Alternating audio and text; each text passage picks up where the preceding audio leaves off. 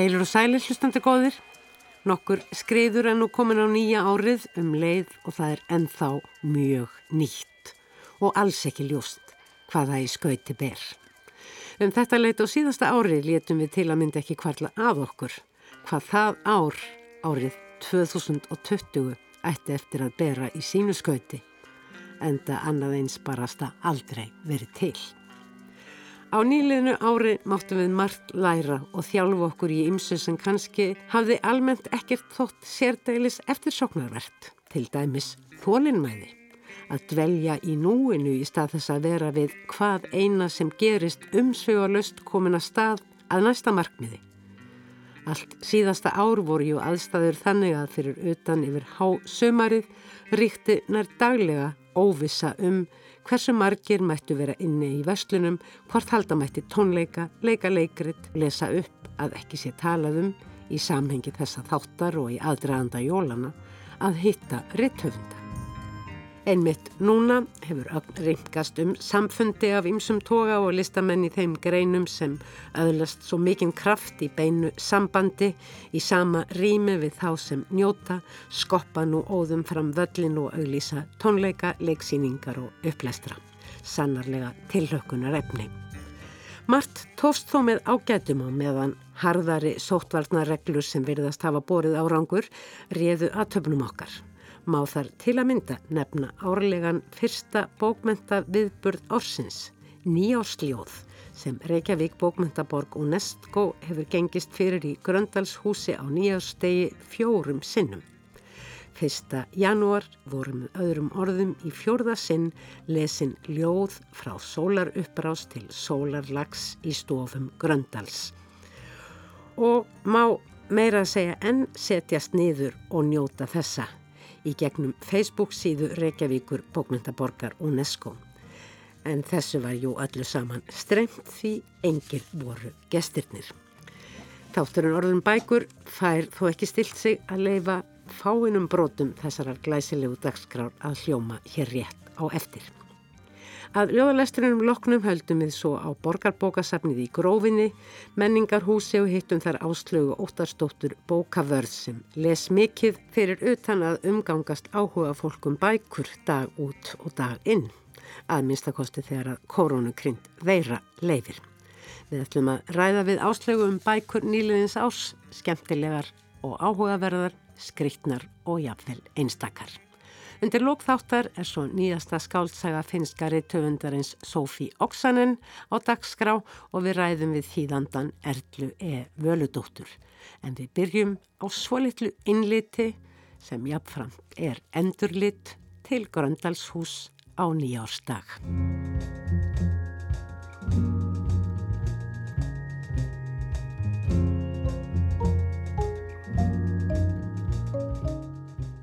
Já, virðulegu ljóða unnendur, tilvonandi og núverandi og fyrirverandi og vonandi aftur tilvonandi.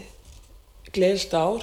Nú hef ég við hér ljóðalestur frá sólar uppbrást til sólarlags í Gröndalshúsi á vegum bókmyndaborgar og hér fyrir hádegi munu lesa upp Ásti Sóladóttir Sigurbjörg Þrastadóttir, Sofja Bjarnadóttir, Gerður Kristni, Marja Ramos, Halla Þórlaug og Guðrún Hannesdóttir í þessari röð og ég byrja lesturinn. Ég heiti Kristín Ómarsdóttir og ætla að lesa fyrst upp ljóð sem ég orti e, e, til Halldóru Kristína Tórótsen eh, skáls og rítumundar sem að lést á árinu sem að leið í gær í júli og var alveg æðislegur frábært skáld og höfundur. Og hér er þetta ljóð í minningu Halldóru Þú tókst á móti mér út í gardi þar ég fór ekki inn í hús, háttið loft, svítt til veggja, undir síberjulerki á síðum kjól, Stúlknafæðing merkir fjölskyldum þernu. Hún far aldrei að sofa með nöttin í fanginu undir giðjiviði á síðum kjól, rættum, freka, nignun heims, laufin lögðust á jörðina það byrjaði að snjóa. Mæður reikna út ljósið temja litadýrð. Einmanna frængur forða hugssjónum og gynd undan eigðileggingu. Einhver situr í bambustól og segir eitthvað mjög afar mikilvægt. Ömmur forðast áraður eins og lauf skógin. Á sumurinn fangaði stofaðinn ljósið, búrið tæmtist ekki. Sá sem horði hafði ekki af þér augun eða hætti að hlusta á orð sem nutu upphafs undir mjúgri andlit skrýmu. Vakaðinni við tímanum bar áburð á tún. Garðurinn yfirgæfi aldrei nattstöðu sína, orð þín hverfi aldrei af sporbrautum. Síður kjóll, afrikansku rauður grætt, veggir úr speiklabrefsefni, óróar úr ljósurofi, berfættir íbúar, pottur með grjónum, reykur, síðir kjólar, svæfi mig æventýr.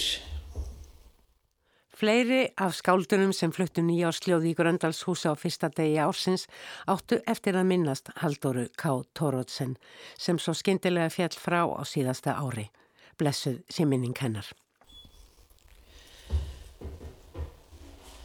Og þá les ég hér úr þessi ljóðasafni sem kom út á árunni sem leiði gær. Og hér er ljóð sem heitir í höfuð á þessum degi. Nýjársdagur heitir það. Við vorum að keirum gödurnar í fyrsta skipti á nýju ári. Aðtöða hvort við hefum nokkur glemt hvort við ættum að stinga okkur eitthvað staðar inn Vegfarendur fóru hljóðir um eitthvað hafi gerst en svo þagnin tilkynni gerðnan og þá saði ég margar stelpur byrjuði að reykja um jólinn. Líka strákar, sagði þú. Frítýminn gerir alla afslappa og kæruleysa, er ekki svo. Fátt fallega en stelpa í sparifötunum og loðskinskápu reykjandi út á götu, um það voru við samala. Heima teltu við fyrstu skákina á nýju ári, metnaðafulla skák með mörgum morðum og fyrirvaralausri uppgjöf. Martraðina nálguðist, mæður okkar sendu SMS. Þetta verður vonlust ár, erfitt og þungbært. En sem betur fyrr var margt ungt fólk byrjað að reykja, framtíðin er að hluta til björnt.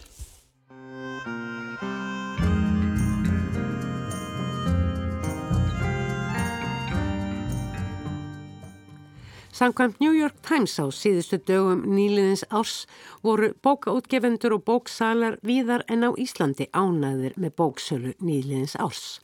Madeleine McIntosh, forstjóri Penguin Random House, segir árið 2020 til að mynda besta bóka árið hvað sölu varðar um margra ára skeið og sangkvæmt NPD Bookscan jógst sala bóka á heimsvísu um 8% á sama tíma og sala á hljóð og rafbókum jógst um helmingahærri hundrastölu eða 16 til 17%. Hreyfingin um mikilvægi svarts lífs sem eldist til muna eftir drápið á George Floyd í lók mæmánaðar hafði í för með sér mikla eftirsókn eftir bókum um kynþætti og kynþáttahyggju. Þá gengur bækur sem fjalluðum Trump Fossetta eins og bókin sem Franka hann skrifaði Too Much and Never Enough of mikið en þó aldrei nóg og enn betur seldust endurminningar Barracks Obama að Promised Land, landið sem lofað var. Og það ekki bara í bandaríkinum heldur víða um heim. Barnamyndabókinu Lirfuna sísföngu, The Very Hungry Caterpillar, sem kom fyrst út árið 1969 varð og ægi vinsæl á síðasta ári. En það voru ekki bara einstakar bækur sem seldust vel á síðasta ári heldur nær aukning í sölu bóka til allra mögulegra bóka, nýra jæmt sem eldri. Bandarískir bóksalar hafa löngum haldið í fram að vara þeirra bókin sé óháð kreppum. Í efnaðagsfrönin árið 2008 hefði aðeins orðið smávægilegur samdráttur í bóksölu sem fljótlega hefði rétt aftur úr kútnum og yfirstandandi kreppa vegna veirunar veriðist einnig frekar hafa kvart til bóklesturs og bókakaupa en hitt. Kanski minni samkeppni við aðra aðþreyingu eins og hangs á kaffihúsum, tónleika og leikhúsferðir, íþróttaiðkun og svo framvegis. Auðvitað hafi ekki allir flokkar bóka selst jafn vel á tímum koronaveiru, sala og ferðabókum hefur til dæmis dreyist umtalsvert saman Ungmennabækur sem og bækur um gardirkju ganga hins vegar sem aldrei fyrr. Meiri luti þessara bóka er líklega keiftur í netverslunum beint frá útgefenda eða stórum útgáfuhúsum en líka frá bókabúðun sem oft þurftu að hafa lokað eða takmarka mjög fjöldan innan dýra. Bókaútgefindur hafa nokkrar áhyggjur af fækkun bókaverslana í kjálfar koronavirunar þrátt fyrir að bóksæla gangi vel á netinu vegna þess að ekki sé einst líklegt að lesendur rekist á bækur sem þeir hafa aldrei heyrtum í vefverslun á meðan slíkt er hægur leikur í góðri bókabúð.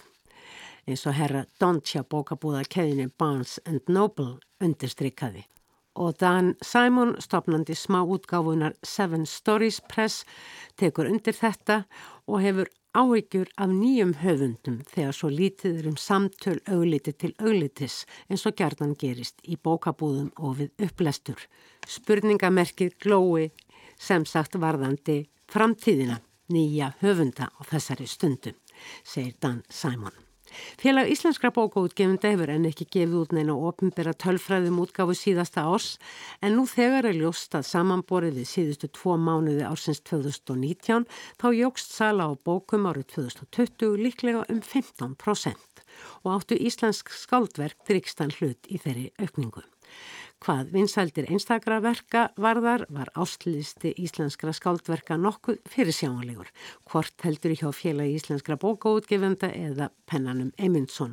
Þar sem eftir trónir Ólafur Jóhann með snertingu og síðan raða sér glæpasagna skáldin hvert á fætur öðru, Arnaldur, Issa, Ragnar og Lilja á samt vinsældar höfundum á borði Jón Kalman Stefánsson og auði öðu Ólafsdóttur með sínar bækur.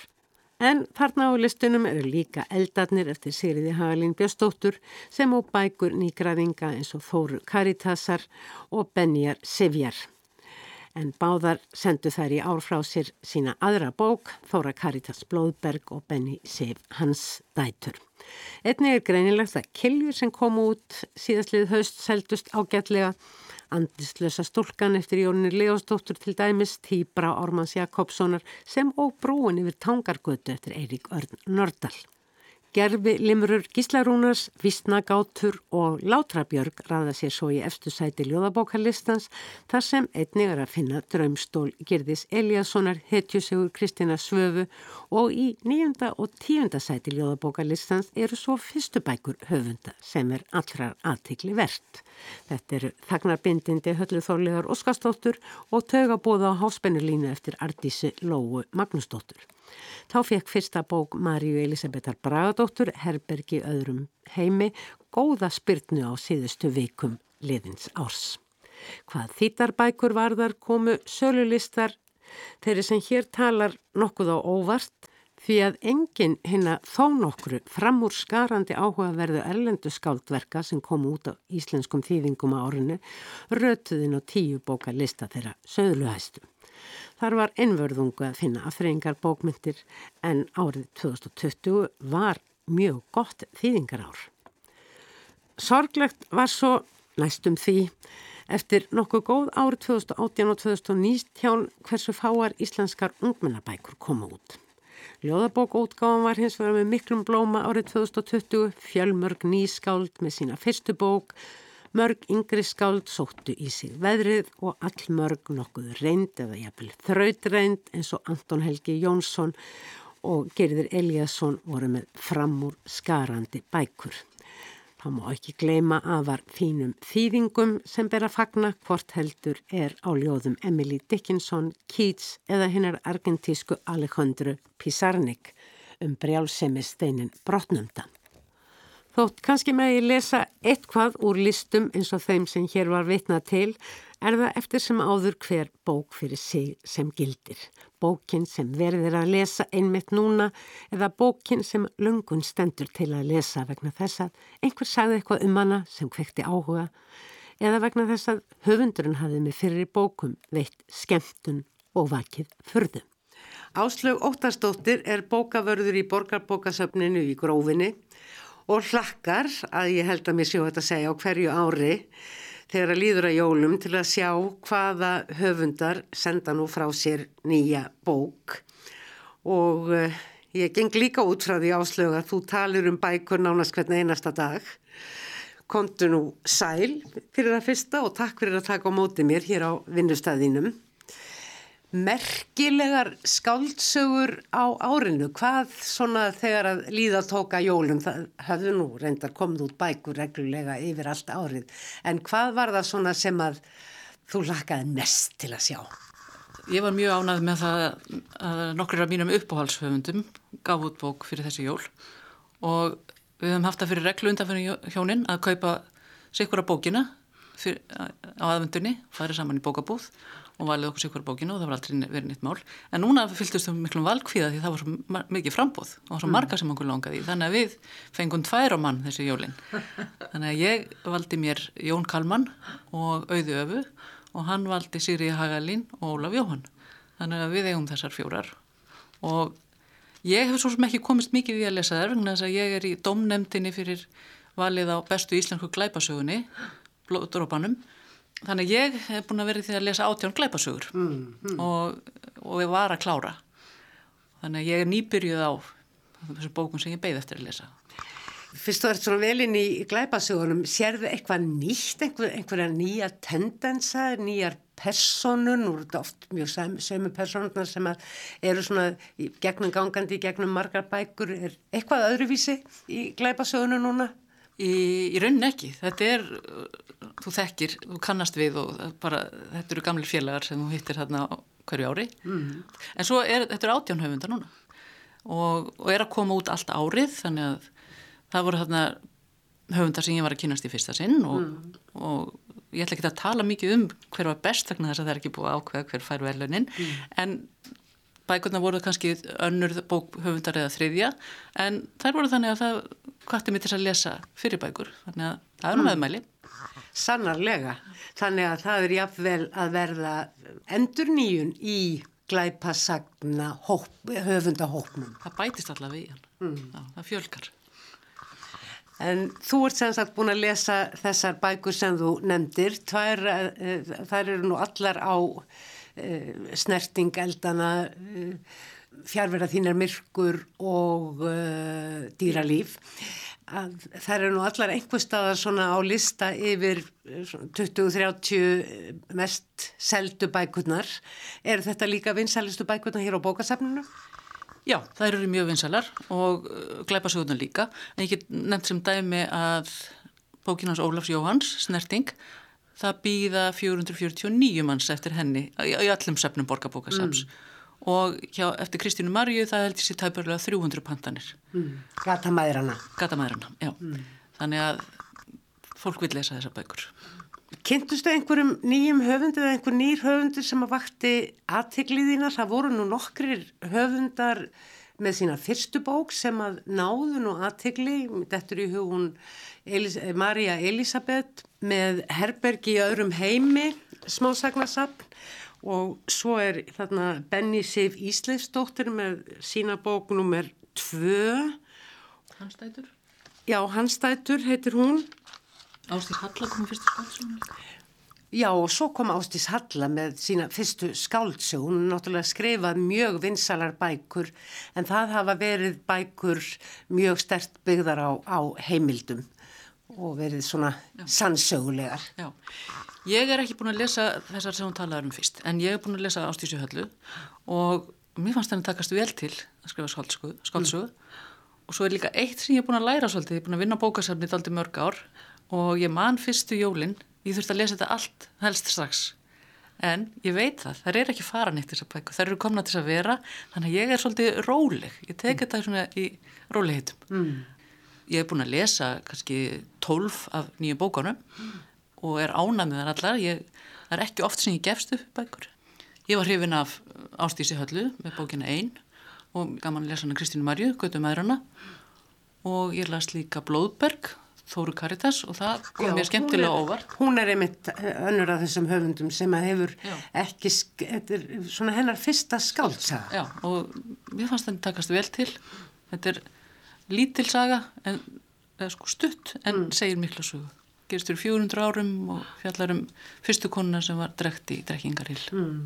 Þúrtís Haldóstóttur minn með hún heiti. Og hún náði líka talsverðum vinsældum með markam á uh, sölulista. Já. Er hún líka eftir sótt á bókasafninu? Já, hún er það. Hún safna ekki svona hundruðum pantan eins og...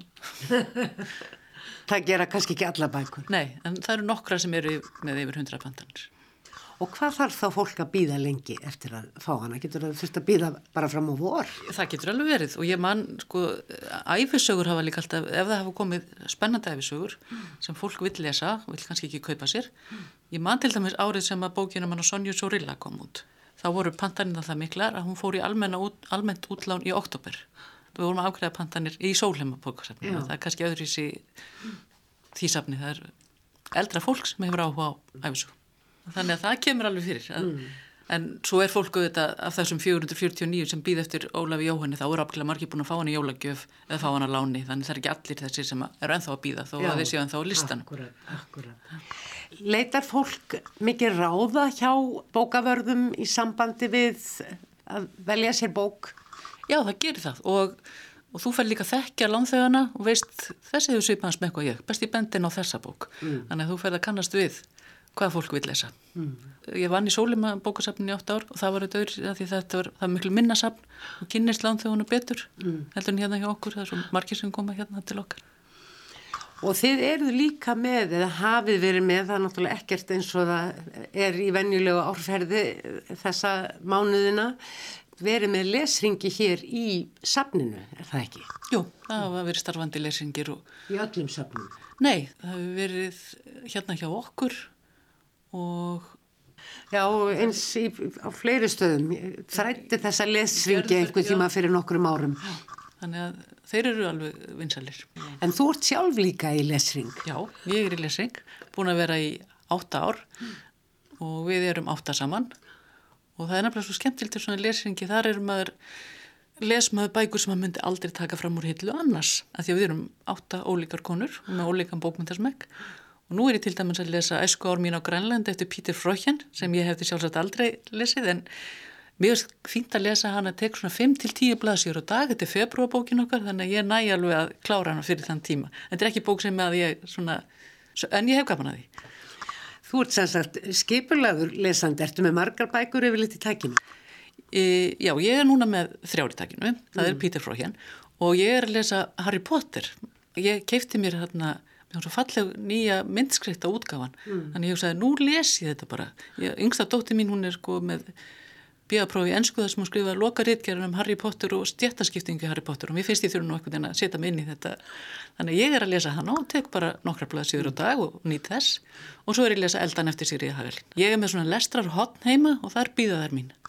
Og þú lest uh, skáldskap á hverjum degi?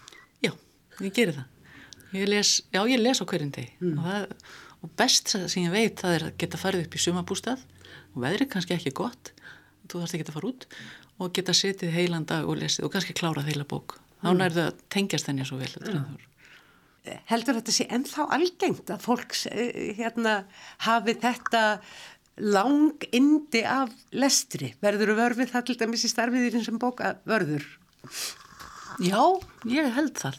Fólk hefur kannski minni tíman til þess að og ég hef minkað við mig, ég vil ekki 100%, ég er 50% þannig að ég hef góðan tíma til að njóta þess að lesa og allavega í kringum mig þá sé ég þetta að fólk mm. les mikið, gefur sér tíma til að lesa. Jólabókaflóði núna, þú talaður um valkvíðan sem hefði komið yfir ykkur hjónin að þurfa að velja aðeins eina bók hvort og hefðu gefið ykkur leifi til að velja tvær. Var þetta óvenju gott skáldsagna ár? Mér heyrist nú að þú sért aðalega í skáldsögum, vil kannski æfisögum líka, ég skal ekki segja. Já, mér fannst það. Mér fannst þetta flott jólabókár Já. og bókár. Mm. Margt spennandi sem kom út. Og margt sem var á ennþá betur, sem, sem, sem betur fyrir ennþá eftir að lesa. Mm. Að því er ekki búin að þetta allt í mig. Uh, Þú segist líka hlust á hljóðbækur. Er það annars konar nöytt? Já, það er allt annað. Og ég geng mikið og þá finnst mér gott að láta lesa fyrir mig og meðan. Og stundum finnst mér líka gott að sittast bara og prjóna og láta lesa fyrir mig. Mér finnst það bara lúksus. Og ég nota bæði Storytel og svo rafbókasapn, borgarbókasaps sem er, þú borgar 2 og 5 fyrir áskýrtinnið og þá hefur aðgangað rafbókasapninu þar með sem þú getur bara notað að heimanfræður og ótal fjöldi bóka. Og þetta er vinsælt. Hljóðbókin hefur jú verið að sækja gríðarlýsi veðrið á síðust árum. Já, þetta er vinsalt, þetta er mjög vinsalt. Ég er nú ekki meina tölur en þetta er, og hefur aukist líka þegar eftir, og sérstaklega þegar við lokuðum við þetta, þá Já. notaði fólk hljóðbókasamnið, mm. eða rafbókasamnið, rafbókasamnið. En er einhver munur á hvers konar bækur þú kýst frekar að lesa með því að fletta síðum eða að hlusta eða... Jú, ég les frekar svona, létt, nei, hlusta frekar léttmetið og reyfara og kannski svona stelpubækur eða mm. Já. Ég hlusta frekar á það, en les það sem maður getur fyrst lesið aftur og, og notið. Það er svolítið munur þar á. Að því þú ert nú svona mikil bókamanneskja og lestrarmanneskja. Þegar þú hugsa tilbaka svona bækur sem eru einfaldlega hluti af lífið þínu. Ekkert endilega að þú lesir þær á hverju ári heldur bara eru minnistæðar og uh, þú áttir svo góð kynni við. Ég, það er einn sem kemur upp í hugan sem ég hef samt ekki lesið nema þannig að þennan skiptið. Hún er eftir Merlin Frens og heitir Bleeding Heart. Það var bara, mér fannst það svo mögnuð ástarsaga og mér fannst gaman að lesa hana og svo þetta á ég svona, það eru nokkra bækur sem ég les aftur og aftur, til dæmis Jón Kalman, ég get bæði lesið hann aftur og aftur og hlustað á hann. Mér finnst mjög gaman að hlusta bækurnar og hann sama segja um auðu öfu og tala um það auður af að les sjálf sína bækur eins og þegar hún las afleggjaran ég fjall alveg killiflöt það passar eitthvað svo vel við hennar rödd við tempóð í bókunum. Mm. og það, ef við tölum um hljóðbækur þá skiptir upplesturinn öllu máli. Og ég man því að ég var að lesa sjálfstætt fólk fyrir, ekki 20 ár síðan. Og sama tíma var Arnar Jónsson að lesa hann í útvarpið. Og þetta var allt önnu bók sem hann var að lesa, hann var svo miklu betri. Þannig að það var, og eins og því ég las Hallgrím Helgason, 60 kíló á sólskinni frábær bók, skemmti mér konunglega. Bara eh, snerti allan tilfinningarskalan maður hló, maður grét. Síðan hlustaði ég á Hallgrím sjálfan lesa. og því lík upplifun bókin var góð en hann var miklu betri þegar ég naut þess að hlusta á hann. Þannig að upplasturinn skipti miklu máli. Og ég hef alveg hætt að hlusta á bækur sem að mér finnst ekki gott að hlusta á lesarann. Mm. það skipti miklu máli. Og er bæntanlega líka bara dálítið personlegt og smekksatriði. það er það, það er mikið smeksatrið og hvernig þetta er, hvernig þetta er tólkað og En þið hér á bókasafnu sem eru umkring bókum alla daga og það er inntak ykkar starfs og, og forsenda í kvíverna, þið tali mikið um bækur, er það ekki? Jú, við gerum það. Við skiptist á skoðunum. Mm. Og það er mjög gaman að því að einn góð, góð vinkonum sem vinnur hérna með mér, við höfum svo ólíkan smekk, ég hef sagt heyrðu, ég var að lesa eina sem alveg hendar þér. Mér fannst hún ekki góð. Og það er sama, það er við höfum bara mjög ólíkan smekk, mm. en náum saman að vera leiti. Og þú sagði mér að þið eh, væruð jafnvel, eh, sko, ykkar svona jólafundur, hann snýrist jafnvel um bækur og nýju bækurnar. Já, við höfum það fyrir reglu hérna í desember að þá hittust við af öllum söfnum borgarbókasaps, hittust hérna hjá okkur og fáum heitt súkulaði og jólakökur og nokkri starfsmenn kynna það sem þeir eru búin að lesa af þeim bókum sem er að koma út mm. þessi jólun. Það er, ég man ekki orðið, þetta er kalluð randalínu og þetta er endalega langt orð, ég man ekki hvernig. Randalínu súkulaði bókastund. Já, ég held það. Hvað er það sem að kveikir í þér svona þegar að bækur berast í, í tal? Er það nafn höfundarins eða eða stillin sé svo góður, bókin sé spennandi eða hún krifji málið ekki alveg til merkjar, skilja eftir opna enda. Ég held að það sé bara þegar ef bók höfðar til mín og nær mér, ef ég veist, næ að sko, sökka mér onni hana.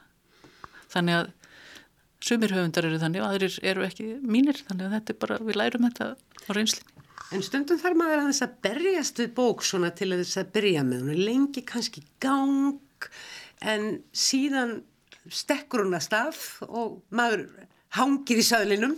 Já, já, það er alveg rétt og það eru margar af þeim bækum, bókum sem að vinkonum mín í lesingnum hafa bent á og, og stungið upp á. Þá hefum stundum bara stunið en svo ferða að lesa mm. og ég hef oft þakkað fyrir bara takk fyrir að benda mér á þessa bók af því ég hef ekkert lesið hana annars.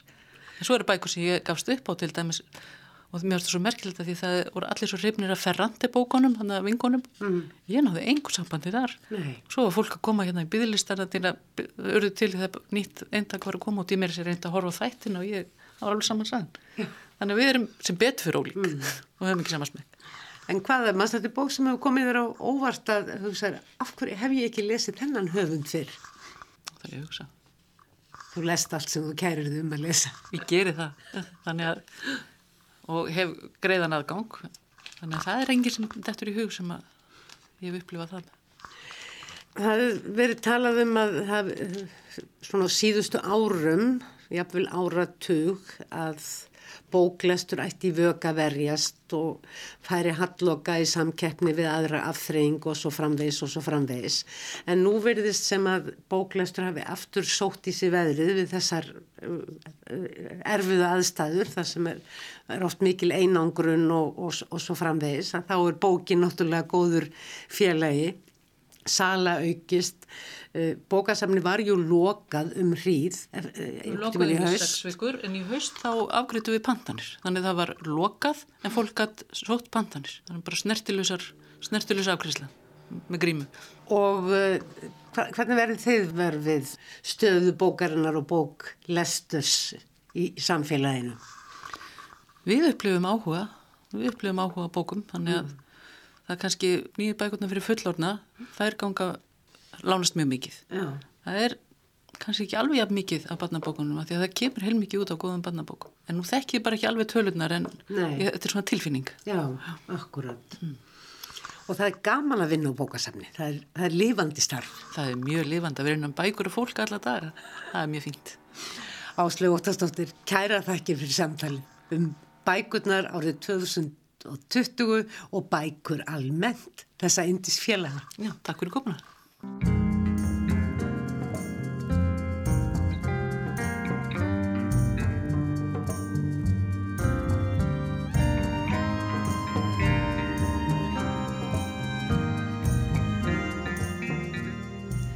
Nýjar bækur eru þegar farnar að dansa fram. Meðal þeirra er íslensk þýðing á finskri skáltsögu Hundagerði sem er nýjasta bók finskari töfundarins Sofí Oksanen.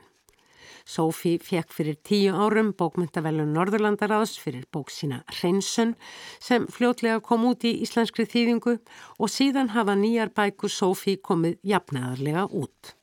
Skálsugur Sofí Oksanen hafa veitt vestrannum lesendum insýn í samtíma sög og menningu í austurhluta Evrópu en Sofí er fætt í Finnlandi og uppalinn að hluta en hún er eistnaski, móðurætt og hefur dvalið þar löngum. Líf og örlög kvenna á mörgum östurs og vesturs hafa verið umfjöllunarefni Sofí Oksanen í öllum bókum hennar. Þannig er sögusviði í hreinsun sem og í skáldsögunni þegar að dúfurnar hurfu að mestu Eistland og Sovjetiríkinn en Ísland var ju eitt sovjet liðveldana til endaloka kaldastriðsin senda á síðustu öld. Í hreinsun tegir sögutíminn seg allt aftur til ársins 1936 þegar Ísland var innlimað í Sovjetríkin og nær landfræðilega allt til Vladivostok í Sovjetríkinum. Sofí Oksanen let einhver tíma þau orðfalla að þessar tvær skáldsögur væri fyrir hluti fjórleiks og þótt sögusvið næstu skálsögu hennar sem kom út árið 2015 og heitir Norma hafi einverðungu verið Finnland þá eru tengslinn til austurs sterk og bókin há pólitísk, feminísk en umfjöllunar efnið er ekki síst fegurð og frjósend hvenna sem söluvara. Norma kom út í íslenskri þýðingu Sigurðar Karlssonar árið 2017 og er sögð fantasía þótt umgjörð öll sé mjög raunsæðisleg. Sigurður hafði áður þýtt fyrstu skáldsögu Sofí Oksanen, Kýr Stalins, en þar segir frá ungri eistneskri konu sem hefur flutt til Helsingi en engum þó dóttur þessarar konu. Sú heitir Anna og er illahaldin af lótugræðki og verður sá sjúkdómur í bókinni nokkus konar myndkverring þess að heyra hverki heima. Ráða ekki aðstæðun sínum og þvinga þessi stað eigin líkama. Óljós kynneið skiptir líkamáli í lífi ungustúlkunar önnu en sagan þykir byggja nokkuð á lífi Sofí Oksanan sjálfrar. Svo bók sem nú er nýkomin út líklega fjórða og síðasta bókin í þessum fjórleik sem hófst með hreinsun og áður var minnst á heitir Hundagerðið og það er Erla E. Völudóttir sem þýðir úr finsku. Sæl Erla og takk fyrir þessa þýðingu á nýjasta verki Sofí Oksanen í þessum já, áhugaverða fjórleik um samfélagssviftingar sem aðalega grundvallast á breytingum á valda hlutföllum í þessum bókum. Þú saði mér endar áðan að, eh, að þetta væri, það liti ekkit allir á þetta sem fjórleik, það væri jafnveg litið á fyrstu þrjárbækur Sofí Oksanin sem þríleik. Sko já, eða það getur endar, það má alveg vera hvortveggja sko. Já. Ég er alveg sammálað því að þetta megi skoða sem, sem sagt, þessar fjóru sem þú varst að tala um megi skoða sem fjórleik, en svo eru sem sagt þessar þrjárbækur sem að Já, eru fyrstu, ekki fyrstu þrjárbækunar en svona... Kýr Stalins og gefur hún reyndar út eina bók sem heitir Baby Jane. Eina sem hefur ekki verið þýtt á íslensku, Nei, einmitt, einmitt, en allar hinnar hafa verið þýttar. Svo var það Hreinsun sem var þriðabókin og síðan hérna þegar uh, Dúfurnar hurfu Já. og þessar þrjár hafa margir litið á sem svona þríleik um sögu Íslands. Já. Það sem hún er ju alltaf að horfa til svona Íslands og Sovjet Íslands og Einmitt. Síðar er tvær bækurnar í fjórleiknum, ef við lítum svo á, Já. sem sagt Norma og þessi bók Hundagerði, að uh, þær tengjast Úkrænu meira, Já. þó að það gerist líka í Finnlandi. Já. Sérstaklega náttúrulega Norma, hún gerist í rauninni í Finnlandi þó að séu mikið af vísunum og margt af því sem þar gerist eigi uppruna sinni í Úkrænu. Já, einmitt, í þessum tveimur nýjustu bókum, Normu og Hundagerðinu, þá verðist hún komin daldi til Úgrænu og svona enn frekar kannski í hundagerðinu. En það sem þessar bækur eiga náttúrulega allar sameigilegt er að þær fylgja eftir sögum hvenna. Á ólíkum tímum, af ólíkum kynnslóðum, konum sem að þar af leiðandi hafa ólík tækifæri til að leifa lífinu sattar og örugar Já, og alveg. kannski tegja sér eftir draumum í samræmi við gáfur sínar getu og óskir. Finnst þér þessi bók svona með að við endalógin að, að þetta sé endir á þessum uh, pælingum, þessum, þessu austur-vestur uh, valda uh, söðu potti og samfélagslegum afleðingum þess fyrir venjulegt fólk? Það gæti verið það sko, endurinn er svo sem frekar opinn. Hann er mjög opinn. En já, ég sé nú fyrir mér að Sófí verði alltaf dálítið á þessum slóðum sko, austurs og vesturs, mm. þar sem hún er sagt, ættið frá Finnlandi og, og Íslandi og, og hennar uppvakstar árum er Ísland einmitt í hérna hluti að og Ísland á þeim tíma hefur verið svona dálítið eins og gluggi til, til vesturs, það er þessi nálað við Finnland og, og tengst tungumálana Já, og eins og við sagt frá í bókinni á einhverjum stað þá er sko hérna í Tallinn og á þessum hérna hérna á strönd Íslands næst Finnlandi það er til dæmis hægt að ná uh, sjómarpsútsendingum frá Finnlandi mm. sem var eitthvað sem að kannski þekktist ekki annar staðir í Sovjetiríkunum en þetta var svona gluggi til vesturs að mm. einhverju leiti. Það sem að mér fannst svo áhugaverð þegar ég var að lesa þessa bók var og þá var mér hugsað til fyrir bókana og sáðu þetta það fannst ég sjá það þar líka og þess að hafa lesað þær núna aftur það er þessi upplaust þegar það verður, verða svona stórar samfélagssviftingar og hvernig allir reyna einhvern veginn að uh, koma árum sínum fyrir borð en það er í raunin einhvern veginn hver höndin upp á móti annari, það er engin samstaða um hvert skuli halda, hvernig samfélag skuli skapa? Já, það kannski tala svolítið sko til uh, sögu Finnlands af vissuleiti af því að sko þegar að Finnland, Finnland var hluti af, af Rúslandi, af rúslandska keisarættæminu og síðan verður rúslandska byltingin og þá verður einmitt upplausn í Finnlandi. Og, og þá í rauninni sko er, þá lýsa þeir dálítið eins og Íslandingar nýttu tækifæri til að lýsa sjálfstæði hérna eftir, uh, í, fyrir, í setni heimstyrjöld og þá gera finnar einhvern slíkt til sama þarna, eftir byltinguna, það var engin að fylgjast með þeim á þeim tíma og... mm.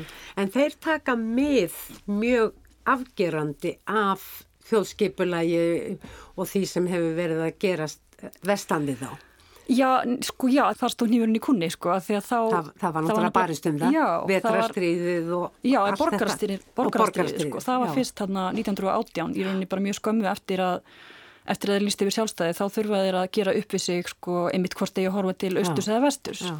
og þá verður bara stríð þar sem að finnar berjast við finna og það var bara mjög blóðugt og, og ég held að þetta sé enþá mjög sárpunktur í sögu finna, það er ekki eins og langt síðan, það eru rétt hundrað ár sko, þannig að þetta er eitthvað sem að því að oft talaðum að sko finnar og íslendingar séu svo líkir og eigi svo margt sameigilegt og það er rétt, finnst mér að mörguleiti en svo er, sko, erum við svo laus við þetta þessa þrúandi nærveru stríðsinn sko. og mér finnst svona ennþá í Finnlandi í dag þá er að einhverju liti viðkvæmt mála að tala um pólitík af því að þá, þú veist, er kannski undirliggjandi hvort að, þú veist forfæðir viðmálandans var kannski rauðliði og forfæðir þinn kvíliði eða öfugt eða, Já. þú veist, þetta er svo en svo náttúrulega á endanum í rauninni hauðu kvíliðarnir betur með, með stuðningi frá frá einhverjum hérna vestrænum ríkjum og En þetta er merkileg sagað, þarna eru Já. tvær konur í rauninnis. Það er önnur segi söguna, hún er eftir því sem ég sínist meir og minna nafnlaus. Óleikka er hún einhver tíman kalluð á móðu sinni. Já. En annars er... Það er ekki mikið notað nafnið hennar. Nei, annars er þetta bara fyrstu personu frá sögn og, um, og síðan er það Darja. Mm. Þær koma af sömu slóðum og hittast fyrir tilvíljun sitjandi hvora á sínum enda bekkjar í hundagerði sem er í rauninni garður þar sem fólk getur komið já, eða sko, já, eða sko, já, einmitt. Þetta er nefnilega, orðið á finsku er í rauninni meira svona eins og hunda almenningsgarður en það er samt í rauninni átt við svona afmarkað gerði inn í almenningsgarði. Og þetta mm. hefur verið kallað hundagerði á íslensku þannig að það var svona Já, ég held að þýmingin sé nú út af fyrir sig ágætt orðið sjálft hunda gerði, gerði fyrir hunda, það er eitthvað afmarkað og það eru læti inn í þessum afmarkaða stað. Hundar og, eru frekar fyrirferða meiri heldur en minni alla jafna. Já, og það kannski líka sko og tengist... Og það eiginlega sko er svolítið mynd Já. af sögunni. Já, það er mér tengist því sem þú sagðir áðan með sko að þegar að koma upp kannski átöku og óryggi að þá einhvern veginn sko bara verður fólk stundum bara eins og hundar að bítast um þá bita sem er í bóði Já. og það verður svolítið þannig í sögunni líka. En þetta er, þetta er mjög flókin saga. Það Já. kemur nefnilega fljótlegi ljós þannig í byrjun að konurna þekkjast og þekkjast meiri segja eftir því sem álýður maður raunum að það þekkjast nokkuð vel og eiga saminlega sögu Já, er... og önnur og skulda gelda og uh, hinn uh, vill leita réttar síns. Já, einmitt. En báðar hafa, eru þar í rauninni fórnar lömp aðstæðna sem við töluðum um áðan, þessar upplausnar allrar saman og þess hvernig fólk reynir að, að finna sér lífsviðuværi og helst Já. að verða ná sér í, í álitlega summu af peningum en það sem að raunni allt snýst um í þessari bók eru batningnir. Bæði sem sagt það að get ekki eignast börn það er ákveðið tema en engum og sér í lagi þetta að gera þeim sem að geta borgað fyrir klift að eignast börn. Já, og eignast börn og, og missa þau, það Já. kemur líka vissulega. Já, vissulega, barsmissir líka. Þannig að þetta er svona allt í kringum þetta sem að við alla jafna lítum í rauninu á sem svo sjálfsagt. Já. Að fólk uh, að við aukum kynokkar og eignumst börn og þau alveg... vaks upp og eignist síðan börn og svo framvegis Já, og svo framvegis. En þannig er þetta bara orðin sko bygg business Já. sem er ekki bara í sambandi við staðgöngumæðrun og uh, þarna kannski meira í sambandi við uh, eggjafir eins og það er kallað. Já. Og þessi business, hann nær sko yfir allt, hann nær upp í efstu lög samfélagsins og jafnvel sko allarleið til saminuðu því er að skipta. Já, þetta er náttúrulega rosalega ádela á kannski stjættaskiptingu og einhverju leiti einmitt af því að sko þetta er svona möguleiki sem að sko, aðeins kannski þeir efna meiri hafa og, og það eru líka svona mismunandi þrep innan þjónustunnar sko, það er ekki bara mm. sko allt eða ekkert. Þjónustan svo litið velur. Já og í rauninni þetta aldrei ádela eða heilmikið ádela á kannski fyrirtækin sem eru auðvitað sko nýta sér kannski aðstæður hvenna sem hafa ekki aðra möguleika á tekjum mm. og hinbóin að nýta sér örvendingu fólk sem að þráir að að eignast bann þannig að fyrirtækin eru þarna á milli og, og makakrókin og þetta er alveg og, mjög sko... Sko eru nú daldið á prótin. Já. Allavega þér í þessari já, bók. Og þetta er alveg sko, ég, það er ekki langt síðan að ég, ég held að það hefur bara verið með hann að ég hérna, var að þýða bókina þá rakst ég á einhverja umfjöllun um einmitt bara þennan bransa í Úkrænu og það er sem sagt er vist staðreind að þar er laga umgjörðin þannig að það er mun auðveldara enn í mörgum öðrum ríkjum að sagt, framkvæma þetta án þess að, að konurnar sem að kannski gefa sín egg og annað ja. hafi neinn réttindi. Og það er svona inn á milli í textan, það er ekki beinlinis tematist tekið fyrir að þetta er hættulegt. Það þurfa að fara í hormóna meðferð Já. og slíkt getur haft beinlinis læknisfræðilegar og líkamlegar Já. afleðingar á stóðkerfið þeirra Já. og jafnvel valdi krabba með nú um að vita hverju. Og þá er spurning hvort að einmitt þessi fyrirtæki séu alltaf að upplýsa konurnar um, um áhættuna og þú veist að það er eitthvað sem að einmitt fólk ætti ekki að taka slíkar áhættur á þess að, á þess að vita af þeim og, og svona vega og meta. En hún er afskaplega sling að flétta Já, hún er það, flétta þræði Já. saman. Og fara fram og aftur í tíma og smá mjall alla upplýsingar. Já, það er einmitt sko, hérna, ef við byrjum hann aftur saman við, við normu, að það er náttúrulega líka svona, kannski dálítið óræðanlega sögukona að því leiti að hún svona lætur ekki allt uppi mm. og jafnveg lætur mann svona haldt í hverju halda eitthvað sem er ekki alveg... Og er bara beinleins að segja sögur stundum. Já, jú, einhver leiti, jú. En okkar ólenga, hún, þetta er nú alls svakalegt líf sem hún á að baki, ekki eldri kona. Já. Ég minnist þess að Sigurður Karlsson talaði um, ég held að hafi verið í tengslum við normu, að hafi reynst hún svolítið erfitt stundum að þýða bókina því Sófí Oksanen væri svolítið sér á parti með það hvernig hún beitti finskri tungu. Hvað segir þú? Já, sko, hann náttúrulega, hann Siggi er sannilega hefur sannlega betri tilfinningu fyrir því en ég að því að hann hefur þýtt fjóra bækur eftir hann. Þetta er fyrsta sem að ég þýði og það er svona alltaf upp og ofan hvort að ég hef lesið hinnar á flumálinu eða í þýðingu sko. En jú, hún er náttúrulega mjög svona, hún notar ekki alltaf svona, eða bara, og það er náttúrulega má segja um svo marga höfund að þeir er ekkit alltaf að nota algengustu orðin eða eða halda sér við orðin í orðbókinni eða, mm -hmm. eða svo leið sko, þannig að maður þarf stundum svona aðeins að Er þetta skemmtilegu stíl hjá hann á finsku? Já, mér finnst það sko Óvenjulegur? Já, ég myndi segja það sko Nú hefur þitt fleiri bækur úr finsku Já, sko Já, einmitt Ég myndi segja það og hún hefði alltaf enginandi, enginandi stíl mm. En hvað segir þú svona? Nú er ég búin að vera að lýsa minni upplifun á þessari bók en um hvað finnst þér þessi bók fyrst og fremst fjallum? Hún er náttúrulega, já, eins og við vorum að tala um um frjósemi og svona bara rauninu hlutgeringu á konum á marganhátt og stjættaskiptingu og, og arðrán og ótrúlega margt svona pólitíst og auðvitað má líka, það má lesa hana, það er mjög mikið rými til að lesa hana sem bara feminíska bók þó að ég veitir reyndar að Sofí sjálf, hún svona hefur daldið hafnað Ímugust á því hugtæki Já og bara svona held ég svona ofmikið svona flokkun almennt sko, hún bara mm. er ekki hrifin af henni sko. Og þannig er náttúrulega líka, þetta er líka bókum ást. Já ekki bara ást sko foreldra á börnum sínum jafnvel gegnum gangandi en svo þetta er, já, þetta er ást að sagða líka ást ólengu á föðu sínum til já. dæmis Já.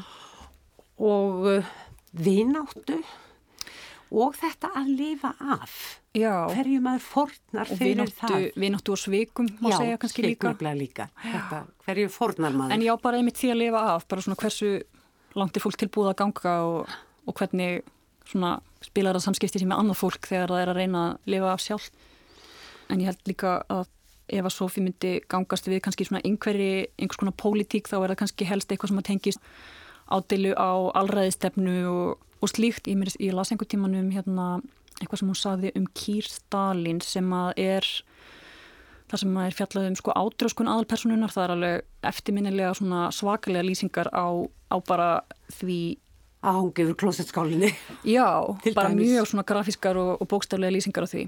En, hérna, en svo las ég í viðtali við hana þar sem hún talaði um að, að hún sæði hliðstæðu á milli í rauninni þessara svona, hvað maður að segja, svona fytuskömmunar og þingdar, bara þingdarstjórnunar sem að er hérna daldi praktíseraða samfélaginu og milli þess og bara svona allraðistefnu í fasistaríkjum. Já. Þú veist að hún í rauninni lítur á það sem bara jafnvel eitthvað með svona fasíska tendensa og það eru við náttúrulega aftur komin að sko hvern líkamannum og, og fólki sem að reynir að stjórna honum og díla með hann og og einhvern veginn. Þetta eru afskaplega áhugaverðar bækur, ekki alltaf auðveldar að lesa mm. af því þetta eru svo bara miklar öfgar og, og stórar spurningar Já. sem þannig er, er verið að velta upp. Varstu lengi að því þetta? Uh, já. Þetta er náttúrulega þitt bók, er, 400 síðutapar eða? Já, emitt, já, ég var alveg, alveg, þú veist, einhverja, ég veit ekki hvað marga mánuði en einhverja mánuði en þú veist þetta fyrir þetta svolítið í móðu þarna á þessu COVID árið þar sem maður er þú veist að reyna með eitthvað leikskóla barn heima að reyna djögla einhverjum vinnustundum og þannig að mm. en þú veist já, þetta var auðvitað heilmikið verk sko en, en skemmtilegt. Já, góða samlistir. Já, mjög. Erla Eveludóttir, kæra takkir fyrir þetta spjallum bækur Sofí Oksanin og engum og sýrlegi hundagerðið. Takk fyrir. Fleiri verða orðum bækur ekki að þessu sinni. Tæknimaður var Úlfildur Eistensdóttir. Takk fyrir að hlusta. Verði sæl.